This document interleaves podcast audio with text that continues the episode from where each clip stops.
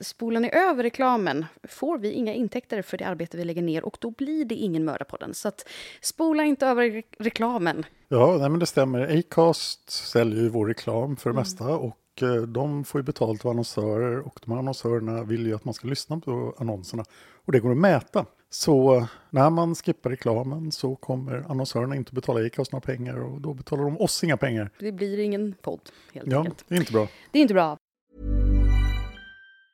This Mother's Day, celebrate the extraordinary women in your life with a heartfelt gift from Blue Nile. Whether it's for your mom, a mother figure, or yourself as a mom, find that perfect piece to express your love and appreciation. Explore Blue Nile's exquisite pearls and mesmerizing gemstones that she's sure to love. Enjoy fast shipping options like guaranteed free shipping and returns. Make this Mother's Day unforgettable with a piece from Blue Nile. Right now, get up to 50% off at BlueNile.com. That's BlueNile.com.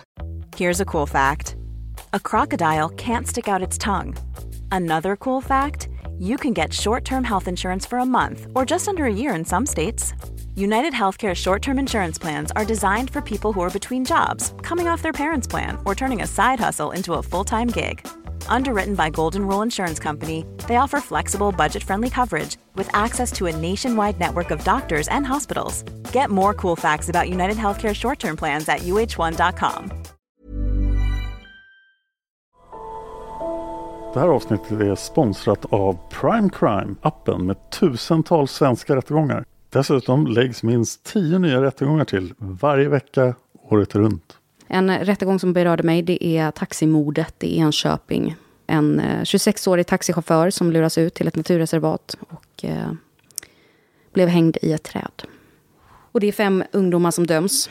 En 16-årig flicka och fyra unga bröder. En rättegång jag tyckte var väldigt fascinerande var föräldrar tvingade sin dotter att dricka ättika. Så otroligt galet. Prime Crime erbjuder även en tre dagars gratis provperiod. Och skulle du välja att bli prenumerant så erbjuder de antingen månadsbetalning för 99 kronor i månaden eller ett reducerat pris på två månader vid årsbetalning. Du kan avsluta när du vill. Tack Prime Crime. Tack så mycket Prime Crime.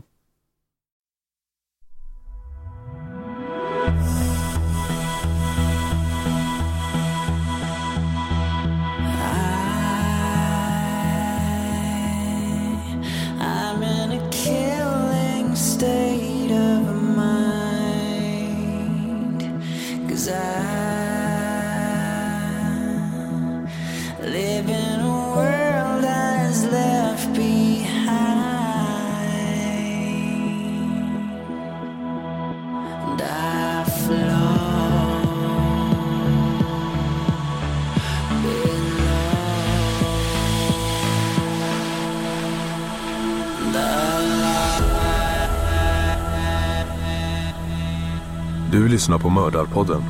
En podcast av Dan Hörning och Josefin Måhlén.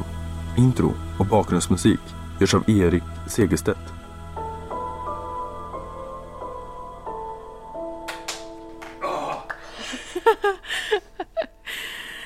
Välkommen till Mördarpodden och en otroligt taggad Dan Hörning. Jag kunde inte oh, ja. tro att du var så här taggad Dan. Det ringer mig när jag sitter på tunnelbanan på väg hit till dig och eh, bara pratar om hur taggad du är. Och när jag kommer in så är det som att du liksom står i, i, i dörrkarmen när jag kommer in och du hoppar och du, äh, du bara strålar om dig. Berätta, varför är du så taggad? Äntligen ska vi prata om massmördarbjörnen. Det här har varit på gång sedan 2016. Men mer om det snart, för först har vi lite formalia vi måste prata om. Mm -hmm. eh, vi ska prata om våran Mördarpodden-öl. Ja, såklart. Den 22 oktober tänkte vi dricka öl och kanske göra någonting roligt tillsammans med er som sponsrar Mördarpodden på Patreon. Ja! Så när ni hör det här finns det en inbjudan till Mördarpodden-ölen på Patreon. Det är den 22 oktober och det är i centrala Stockholm. Och om ni kan komma och anmäla er så kommer ni få reda på exakt var det är någonstans. För om jag berättar det här nu då skulle vi kanske få lite mycket folk ja, jämfört med vår bordsreservation som vi har. Men det är fint, vi har varit där. De är ja. trevliga där. Jag har till och med provdruckit deras öl och den fungerar. Oh. Det här är också en serie på tre delar, Massmördarbjörnen. Det innebär att alla delarna finns på Patreon nu. Så att om du inte är sponsor för Mördarpodden kan, du alltså gå in nu på Patreon, bli sponsor, anmäla dig till Mördarpodden-ölen, träffa mig och Josefin och minst fem manusförfattare som redan anmält sig, för de fick ju lite förhandsvarning. I Stockholm den 22 oktober. Ja. Plus lyssna på alla avsnitt om massmördarbjörnen. Och nu var det ju så att vi lovade er två saker innan 2023 var över. Ja. I avsnitt 100. Det här var den ena saken. Vi lovade ett avsnitt med djur. Vi gjorde ju Kenneth träffar en katt. Och det skulle bli ett avsnitt om en björn under 2023. Och det här är det avsnittet. Ja, och det är ju tack vare er lyssnare, för när vi frågade om eh, det där superroliga kattavsnittet eh, så ville vi ju ha bekräftelse på att ni tyckte om det. Och då var det så pass många som hörde av sig och verkligen, verkligen ville ha mer. Så det här är ett fall med ett djur som gärningsman. Eller gärningsbjörn. Det andra vi lovade som kommer under 2023 kommer också att komma preliminärt i november. Mm, det är dags nu. Kommer du ihåg vad det var Josefin? Ja, det är väl någonting som jag år efter år efter år har eh, lovat. Men nu är det faktiskt på gång. Eh, ja, men vi måste ju göra en uppföljare av Chris Kremers och eh, Lisanne Frone. Ja, Alltså Frun avsnitt Kremers. sju. Jag kommer döpa om det avsnittet till del 0 Ja. när den här nya serien kommer ut. Ja. Mm. Just nu ser det ut som att det blir fyra avsnitt om Frun Kremers. Men nu till dagens avsnitt. Som sagt, sen 2016 har jag velat göra den här historien. Först hade jag tänkt göra den i Massmördarpodden eftersom det ju är en massmördarbjörn. Men sen insåg jag att det skulle bli mycket roligare att göra den här. Från början var det tänkt att Anna Erlandsson skulle skriva den. Och hon kommer tillbaka i del tre faktiskt. Anna Erlandsson är hon som jag gör Sagan om Isfolket-podden med. För hon har nämligen varit i de här områdena i Japan. Som vi ska prata om.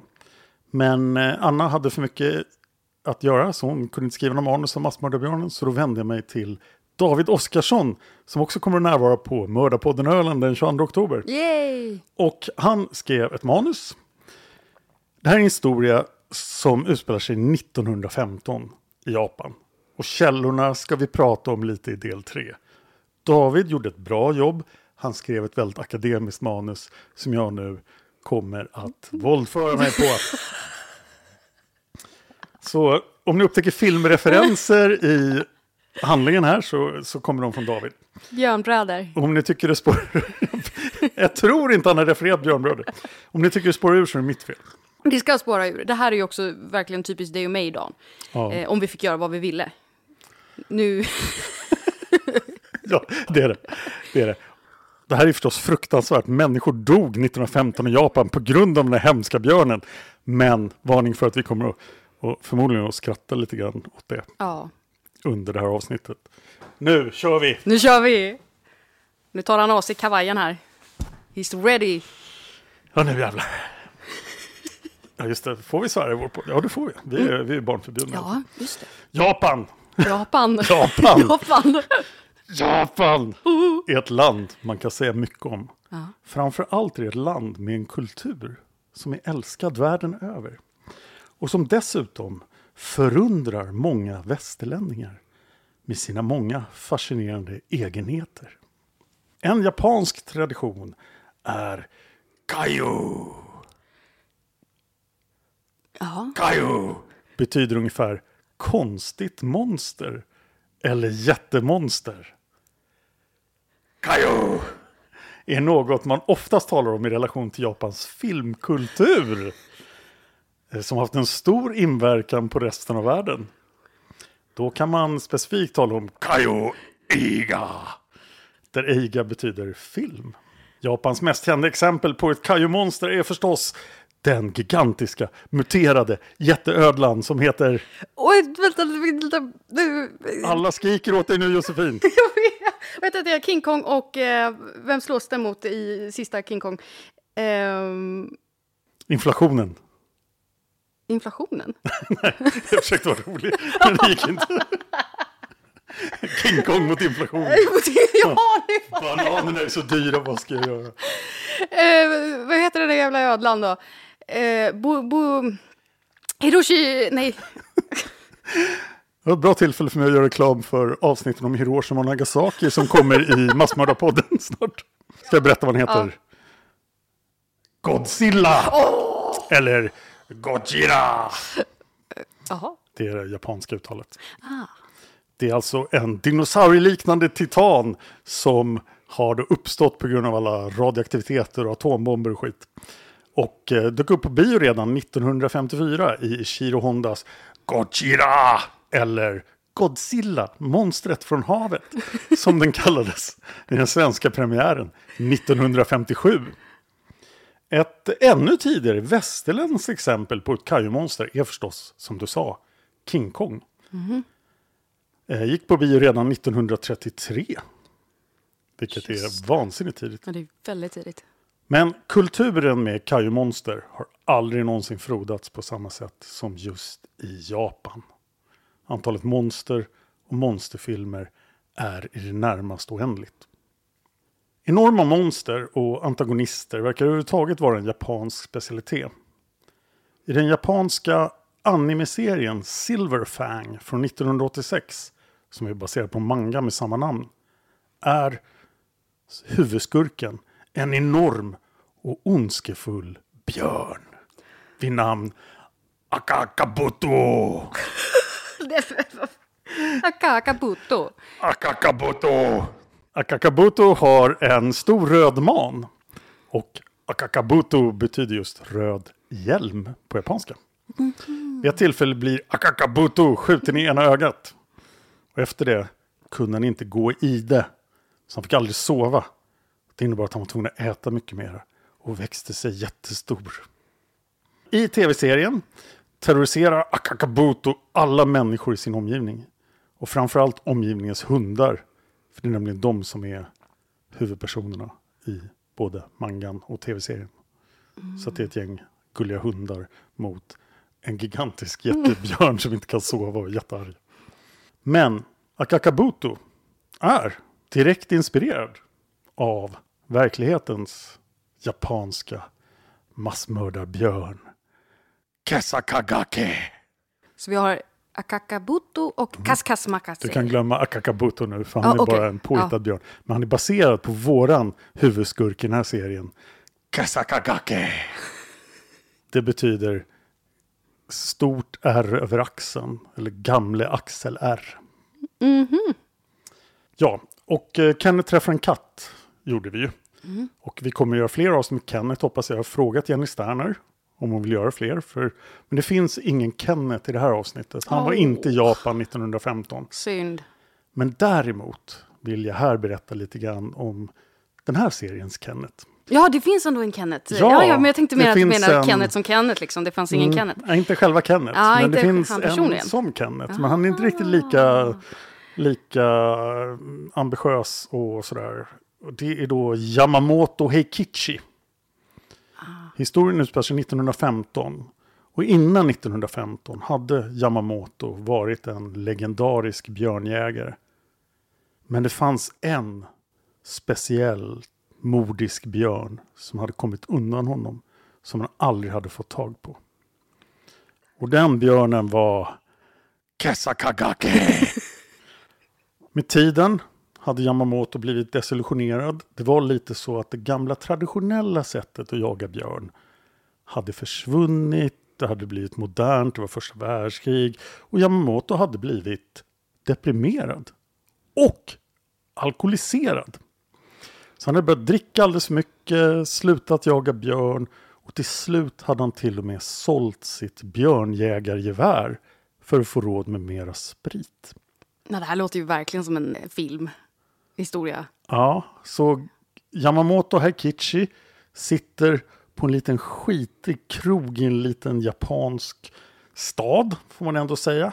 Och där dricker han bara sprit och mumlar om hur modernt allting har blivit, hur allting är bättre förr och, och att den där Kesagake kom undan honom. Och så satt han där i princip och tänkte supa sig själv till döds. Men någonstans där ute fanns gamle Axel R kvar. Legenden om massmördarbjörnen är den sortens legend som inte är lika omskriven i västerländska källor som i japanska källor. Och inte ens de japanska källorna är särskilt bra. Det kan innebära att vi saknar klarhet i detaljer i den här historien. Jag har tagit mig friheten att fylla ut lite detaljer ibland. Som, det kommer nog att märkas ganska tydligt. Jag tror inte det kommer göra storyn mindre intressant för er som lyssnar. Vi ska prata om källorna i del tre och Ja. vad, vad vi faktiskt vet hände.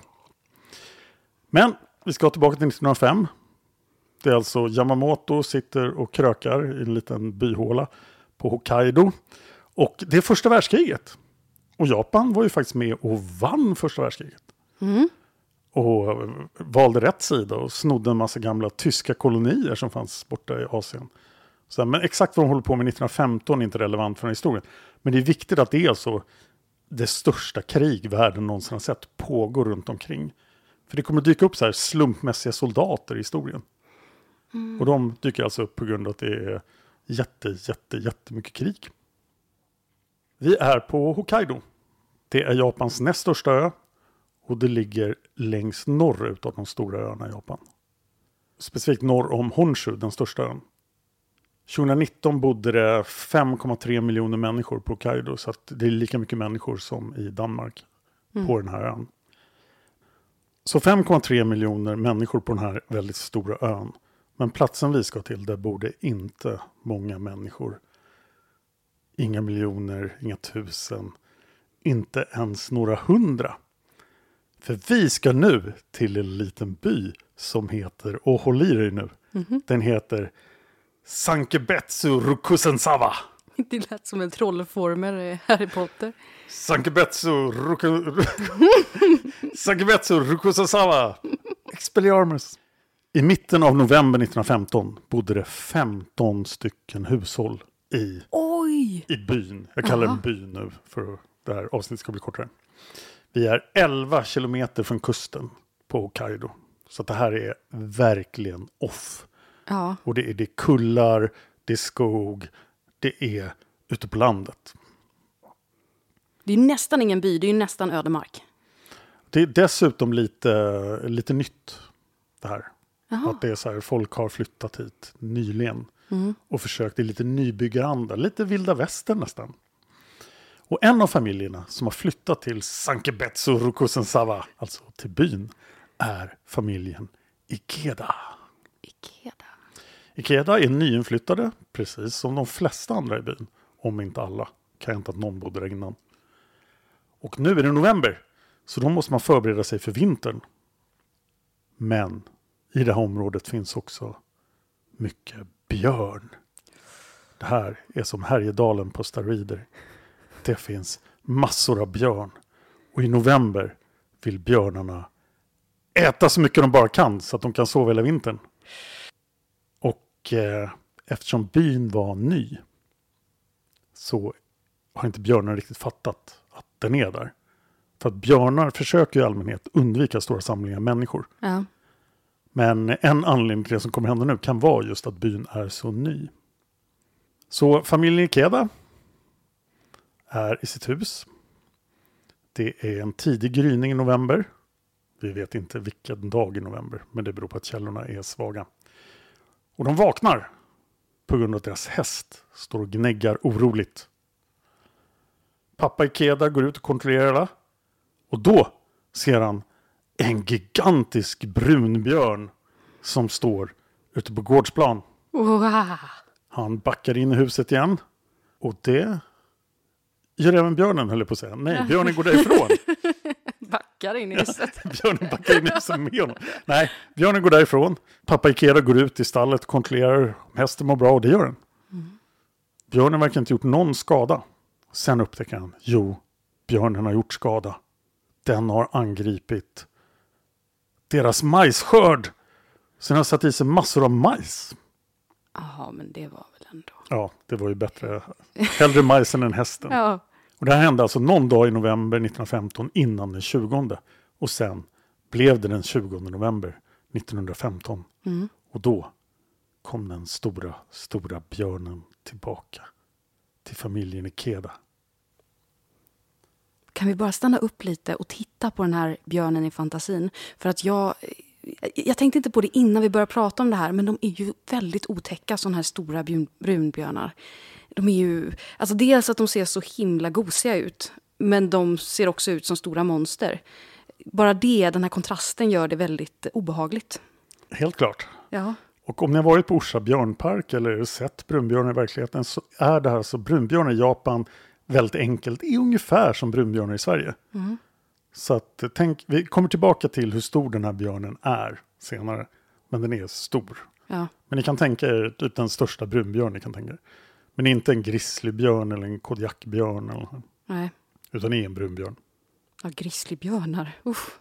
Den 20 november 1915 kom björnen tillbaka till familjen Ikeras gård.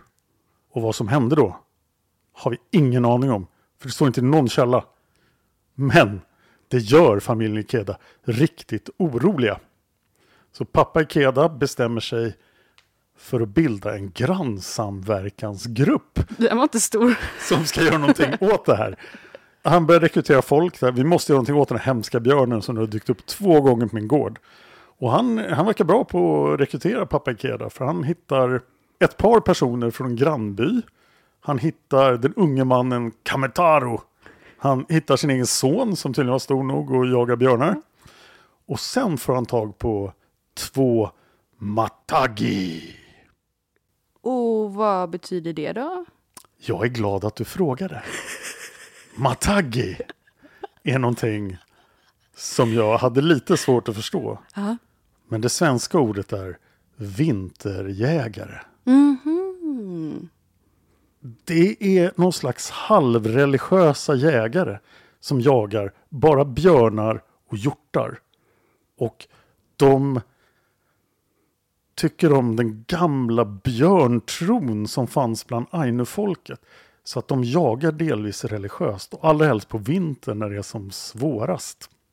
Men då borde ju han, eh, eh, kanske Vasha, Vasha var med i, han som du pratade om i början, han som var så ledsen och alkoholiserad och sådär. Borde ju gå med i den. Det verkar, det, det är svårt att veta om han är en Matagi eller inte. Men jag tror att han var mera intresserad av att faktiskt bara döda björnarna så mycket som möjligt, så fort som möjligt, än vad Matagi är. För de vill helst, tydligen innan då skjutvapen blev populärt på 1800-talet i Japan, så hade de andra metoder för att döda björnar. Ja. Och de här metoderna är lite så här dölda i mörker, men jag tänker mig att de sprang ut en grupp och ströp björnen religiöst. men jag antar att de hade spjut och fångstgropar och liknande. Men det verkar väldigt religiöst. Va, vad, Och de här finns kvar än idag. Matagi, vad hette han som i början du pratade om? Yamamoto Heikichi. Yamamoto Hikichi. Jag tror att han, han gillade de här vinterjägarna, men han var inte en av dem.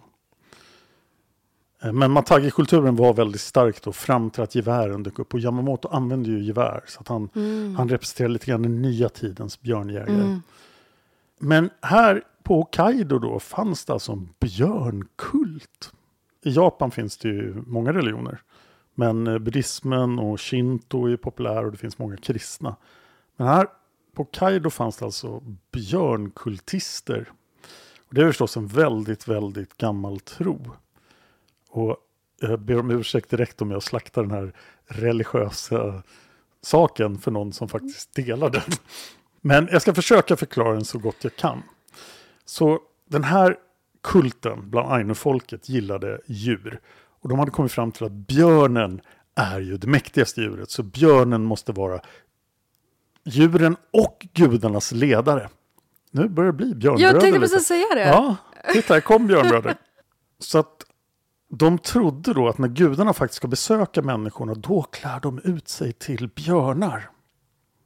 Och om man då dödade en björn enligt då Matagi-riterna på rätt sätt då kunde man då bli ett med guden. Och det här var någonting som guden tyckte om. Att man dödade björnen som guden hade manifesterat sig. Och på så sätt komma närmare guden. Jaha. Och sen kunde man då klä ut sig i björnhuden och eh, klorna och saker då för att hylla guden. Aha. Eh, Så alla gudar dyker upp som eh, djur, men gudar som dyker upp som björnar är det coolaste. Gudarna kunde också förvandla sig till människor, men det kunde de börja göra hemma hos sig. Och det är inte i människornas värld. If you're looking for plump lips that last, you need to know about Juvederm lip fillers. With Juvederm Volbella XC and Juvederm Ultra XC, your lip look, whether it's subtle or bold, can last up to one full year with optimal treatment and no additional maintenance. Find a licensed specialist and see if it's right for you at juvederm.com today. That's J U V E D E R M.com. Add fullness to lips in adults over 21 with Juvederm Volbella XC or Juvederm Ultra XC. Do not use if you have severe allergies or a history of severe allergic reactions, or if you're allergic to lidocaine or the proteins used in Juvederm. Tell your doctor if you have a history of scarring or taking medicines that decrease the body's immune response or that can prolong bleeding. Common side effects include injection site redness, swelling, pain, tenderness, firmness, lumps, bumps, bruising, discoloration, or itching. As with all fillers, there's a rare risk of unintentional injection into a blood vessel, which can cause vision abnormalities, blindness, stroke, temporary scabs, or scarring.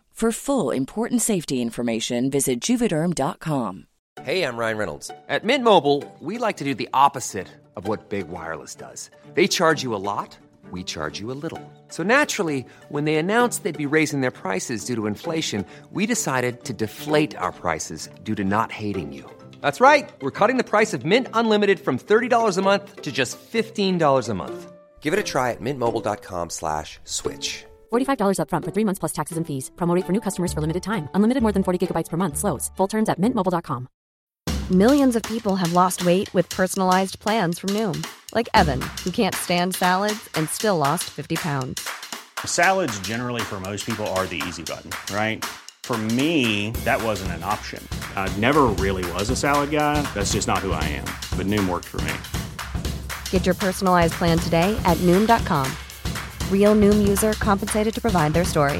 In four weeks, the typical Noom user can expect to lose one to two pounds per week. Individual results may vary. Okej, så om Matagi och Ainu-folket då såg en så här gud som hade klätt ut sin björn, dödade den och hade en ritual runt det, då kallades det för en omante. Men ibland hände det att Ainu-folket kom över en björnunge och inte en fullvuxen björn. Och då var man tvungen att göra en annan ritual. Iomante. Så då tittar de så här, hur stor är den här björnungen? Har den tänder? Om björnungen hade tänder, då tog de in den i sitt hem och gav den samma mat som de riktiga barnen fick. Så björnungen fick sitta med vid bordet eller, och eh, äta människomat Nej, men. tills den växte till sig. Men om björnungen inte hade tänder, utan var för liten, då var man tvungen att hitta en eh, kvinna som lakterade. Och så fick björnungen leva på mjölk från den kvinnan. Stopp lite, stopp lite, stopp lite, stopp. Vänta, vänta, vänta, va, vänta. Eh, Björ, det, alltså man går till en, en kvinna som då är, har fått barn. Eller Ja, man och- kollar, är det någon Ska- här som just har fått barn? Är det någon som har mjölk i sina bröst? Bra, här är en björnunge. Varsågod och amma. Nej men alltså på riktigt. Och då är det bäst för kvinnan om de faktiskt har rätt i frågan om björnen har några tänder eller inte. Okej, nu spårar vi ur lite. Men Okej, ja. jag måste dra hela ritualen för den är så otroligt konstig. Ja, det vill jag höra nu. Okej, sen fick björnungen tänder och då fick den börja äta som människobarnen. Mm. Och så kunde man ha kvar björnen hemma i två år. Ja. Björnen blev rätt stora på två år. Så efter två år, då var björnen stor. Och då kunde man utsätta den för omante. Ritualen när man åt en stor björn. Och då tänker man, okej då slaktar de björnen och åt den. Nej, det var mycket mer komplicerat än så. Utan eh, alla hämtade sina pilbågar och sina ceremoniella pilar och började skjuta på den här stackars björnen. Nej. Som nu har bott i det här hemmet i två år. Samtidigt som de verkar ha druckit massa vin. Sake säkert. De har offrat till gudarna och de håller på att dansa omkring. Och så skjuter de pilar på den här björnen tills den dör. Och sen häller de massa vin på björnen. Och sen utför man den heliga ritualen då. Och eh, sen är det fest i tre dagar och tre nätter. Men- Ja, Ja. och med det så går vi vidare med historien. Då tyckte jag att äh, det där med att amma en björn inte var så Det här kommer jag alltså inte göra på Mördarpodden-ölen. Nej, det är inga björnar där. Så nu har vi alltså Pappa Ikeda har sin grannsamverkansgrupp och de är eh, redo. De kollar efter björnen varje dag. Men det går tio dagar till den 30 november. Och då kommer björnen tillbaka igen. Pappa Ikeda höjer sitt gevär så fort han ser björnen och skjuter. Han vet inte om han träffade björnen eller inte. För han sköt ju så fort han hade chans. Så björnen är ju kanske 20 meter bort. Och björnen vänder och går därifrån. Och kommer inte tillbaka. Och sen när det blir morgon nästa dag, den 31 november, det, vänta, det datumet finns ju inte. David! Första december 1915 eh, går pappa Ikeda, Kametaro och de två vinterjägarna ut och försöker följa björnens fotspår. De upptäcker att björnen är på väg mot berget Onishika. Och efter ett tag så upptäcker de att det börjar dyka upp blod i björnens fotspår som de följer. Oh. Först var det inget blod, men sen blev det blod. Och det dyker upp blod även bredvid fotspåren. Det verkar som att björnen blöder väldigt mycket. Men då blåser upp en fasansfull snöstorm från berget Onishikaha. Och dels försvinner spåren, men pappa Ikeda och hans eh, medhjälpare måste sätta sig i säkerhet. För det här är direkt livsfarligt. Det vräker ner stora mängder snö. Så de återvänder hem. Det är svårt, men de klarar sig. Och de gör det med gott mod. För de har ju sett allt det här blodet. Och tänker att nu går björnen upp mot berget och så kommer han lägga sig ner och dö. Eller så kanske den går i det. Den kanske går i det och dör. Men problemet måste vara avgjort. Nu är det en massa snö också. Och björnar ska ju sova när det är snö. Och även om björnen skulle klara sig så skulle den förstås kanske tänka efter en eller två gånger innan den kom tillbaka till Sankebetsu Rukusensava. Så faran var över, tänkte man. Ingen björn, det gick bra. Och vinterjägarna var glada, men de fick ju inte fånga björn och göra konstiga saker med. Så tur var det inte en björnunge. Och det går lite mer än en vecka. Det blir fredagen den 9 december.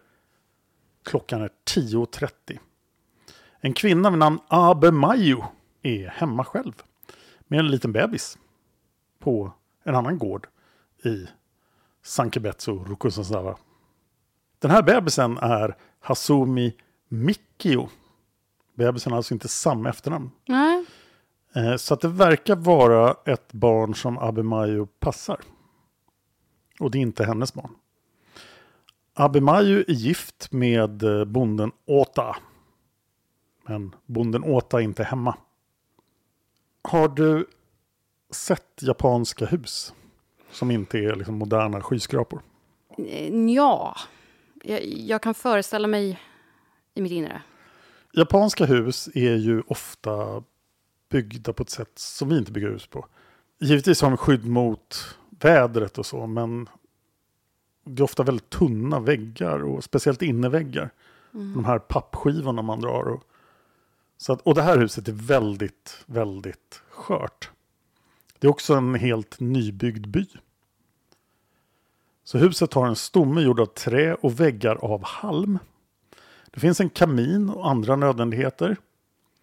Och det blir liksom varmt och skönt med den här kaminen. Men det är inte särskilt stabilt. Och dessutom kanske inte byggt för att stå där särskilt länge. Nej. Utan tillfälligt boende medan de väntar på att de ska bygga sina riktiga hus i byn. Se lite hur det går med den här byn. Abbe Mayo står där och håller på med någon slags hushållssyssla. Kan göra vika sushi kanske. Jag vet inte om sushi fanns 1915 faktiskt. Det kom rätt sent. Men hon gör någonting. eh, Hon kanske ammar en björn. Nej, hon har, hon är definitivt ingen björn, det hade du vetat. Men eh, då får hon en. För plötsligt rasar en vägg in. Och Abemayu tittar hur två stora björnramar bara viker halmen är åt sidan och river upp väggen. Och plötsligt tittar ett björnhuvud fram Åh, genom väggen. Björnen tar sig med lätthet helt genom väggen. Abimayo vänder sig för att springa därifrån. Men björnen hugger mot henne. Och hugget träffar lille Hasumi i huvudet. Så björnen biter i bebisens huvud och drar. Bebisen glider ur den här selen den sitter i på ryggen på Abumayo. Och hon kommer loss. När hon ser att björnen har bebisen så tar hon vedträn från kaminen, kastar, alltså vedträn som inte brinner men som ligger bredvid kaminen, och kastar dem på björnen. Men de gör inte särskilt mycket skada, för det här är en väldigt stor och väldigt arg björn. Björnen kastar sig över Abimayo, slår till henne med ramen och börjar släpa iväg henne ut ur huset och bort mot skogen. Kvar på golvet ligger Hasumi Mikio med huvudet halvt sönderbitet. Och tyvärr är Hasumi inte längre i livet. Nej. En liten stund senare kommer bonden åta hem och upptäcker att hans lilla hus är trasigt och ser ut som ett nyligen använt slakteri. På golvet ligger det döda barnet som hans fru passade. Men hans fru är inte där. Han tittar runt huset så ser han väldigt mycket blod. Och blodspåren går mot skogen. Och här finns en, ehm, en lite konstig detalj. Här får vi se att källorna är lite svaga. För det här hände alltså 10.30 hände attacken. Vi vet inte när han kom hem. Men han larmar folk. Och vi vet inte riktigt vad som händer. Men till slut är det nästa morgon. Och då finns det 30 beväpnade män. Man kan tänka sig att det florerar väldigt mycket vapen i Japan då eftersom det är första världskriget. Men de får alltså tag på 30 beväpnade män som alla har då skjutvapen. Mm. Det är också intressant att de har fått reda på att det är 10.30 händer här. Ja, och sen vet jag, det kan ju ha varit 22.30 möjligtvis. Mm. Mm. Men de går inte iväg för nästa dag för att följa spåren. Så planen är att skjuta sönder den här björnen och eh, om möjligt rädda Abimayo eller om hon är död ta med hennes kvarlevor hem. Mm. Och nu undrar man ju verkligen varför inte det här hände snabbare. För när de har gått 150 meter från huset så stöter de ihop med en björn. De ser björnen. Och fem av de 30 beväpnade männen öppnar omedelbart eld. En av dem träffar björnen. Björnen vrålar av smärta och ilska. Och sen springer den djupare in i skogen. Och björnen blev ju skjuten tidigare. Så nu är björnen skjuten två gånger. Och vi hade ju alla de här blodspåren förut, om det nu är samma björn. Men nu flyr björnen igen. Och kommer undan. De 30 männen får inte till bra skottläge på björnen. Är de säkra på att det är samma björn? Nej, det kanske det inte är. Vi får se. Det kanske är som The Meg. Har du sett den? Jag såg den när jag satt i ett badkar. Varning för spoiler för The Meg. Men det är så här, en jättestor haj som bara, surprise! En ännu större haj kommer att äta den första hajen. Jag ska se tvåan snart. Ja, jag med. Bra, vi recenserar den sen. Ja, det gör vi. Och avslöjar allt. De 30 männen springer runt och letar då i närområdet. För björnen var ju fortfarande i närheten. Och under snön hittar de Abemayos kropp. Eller det som är kvar av den. Mm. Björnen har slitit av Abemayo båda armarna. Och det är bara delar av ett ben som sitter fast i kroppen fortfarande. Björnen har ätit ordentligt av Abemayo. Och sen försökt gräva ner henne, som björnar gör. För att ha då till nästa gång den blir hungrig. Och nu insåg ju alla här, för folk hade ju mycket erfarenhet av björnar. Och det fanns ju sådana här vinterjägare här. Att den här björnen har fått smak på människokött. För när en björn väl har börjat äta människa och upptäckt hur svaga och löjliga vi är och hur lite vi kan göra när den jättestor björn kastar sig över oss. Då blir björnar väldigt farliga. Det är så? Mm. När de väl har smakat människokött en gång, då inser de oj vad mycket mat jag kan komma över jättelätt. Så att policyn är alltid att om en björn smakar människokött så måste man skjuta den. Det gäller flera andra rovdjur också, så lejon till exempel. Och för den delen leoparder som vi pratade om i Kenneth träffar en Ja. katt. För vi är inte deras naturliga bytesdjur, eller? Nej. Nej. Och de är ju rädda, vi har ju för oss jättemycket konstiga saker, Mm. bilar och saker. Så det är Mm. bäst att hålla sig undan. Och det kan ni bära med er till nästa avsnitt, att det bästa sättet att hantera björnar när man är i björntrakter är att låta en massa. Man ska aldrig någonsin smyga sig på björnar. Utan det är bättre att prata högt eller om man lyssnar på en podd när man är ute och går till exempel så är det bra att lyssna på den på högtalare istället för att lyssna i hörlurar. Mm, smart tips. Ja, jag skrämde bort björnar i Jämtland med uh, Last Podcast on the Left. De skriker och skrattar hela tiden, så Ja. det är perfekt. Och säkert lite ormar och sånt också som skräms Ja, bort. jag tror att många djur inte vill konfrontera människor. Nej, men man ska ju aldrig hamna eh, mellan en björnhona och hennes barn. Nej, det ska man verkligen inte Då göra. är man rykt. Och i del tre ska vi prata lite om eh, vad, vad som har hänt när människor faktiskt har blivit dödade av björnar som inte var massmördarbjörnen. För den här björnen fungerar inte riktigt som alla andra björnar. Wow.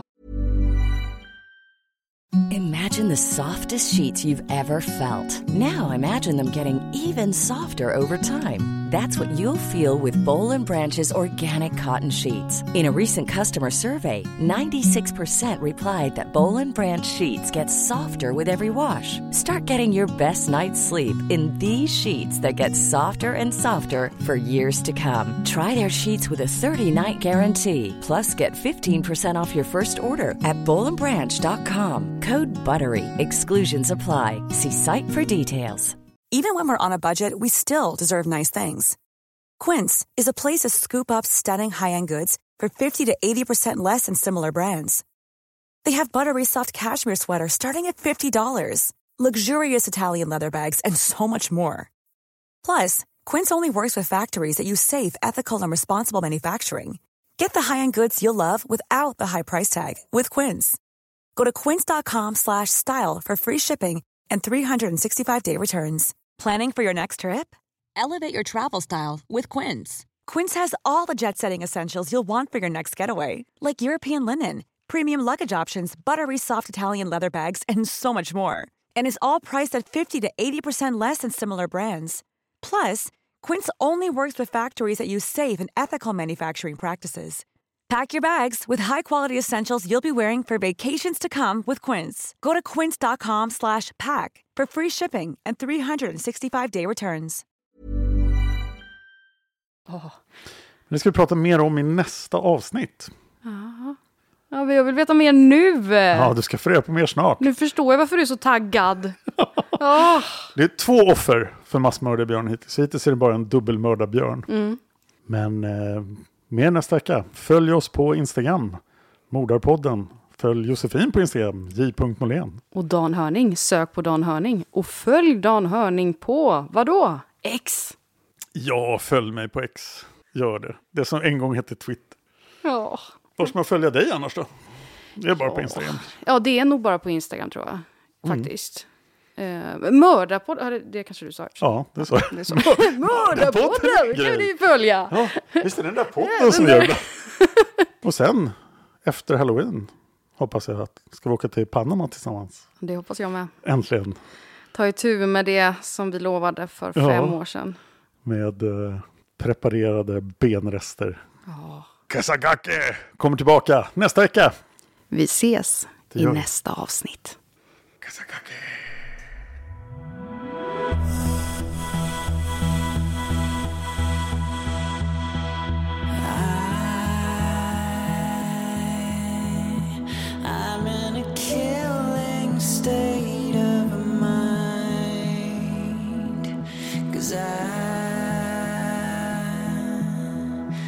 living